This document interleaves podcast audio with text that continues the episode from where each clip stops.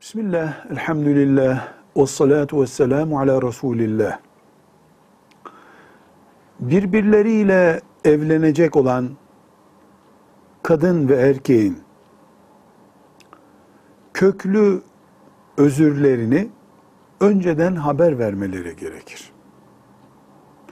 Köklü özürler normal bir insan için giderilemeyecek sorun kabul edilebilecek özürler demektir.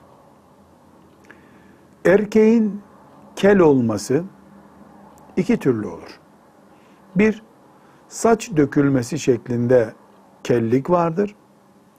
İki, başının mesela üst kısmı tamamen saçları dökülmüştür. Bir insanın belli oranda saçının dökülmesi bir eksiklik kabul edilmeyebilir. Veya kadının saçlarının belli oranda eksik olması mesela normal 20 yaşında bir bayanın saçı yüzde 90 gür iken filanca bayanın yüzde 80 oranında gür olması eksiklik olmayabilir. Ama gerek erkeğin gerekse bayanın tamamen kel olması gibi bir eksiklik Allah'tan gelmiş olmakla beraber evlilikte mutluluğu etkileyecek bir arıza kabul edilebilir.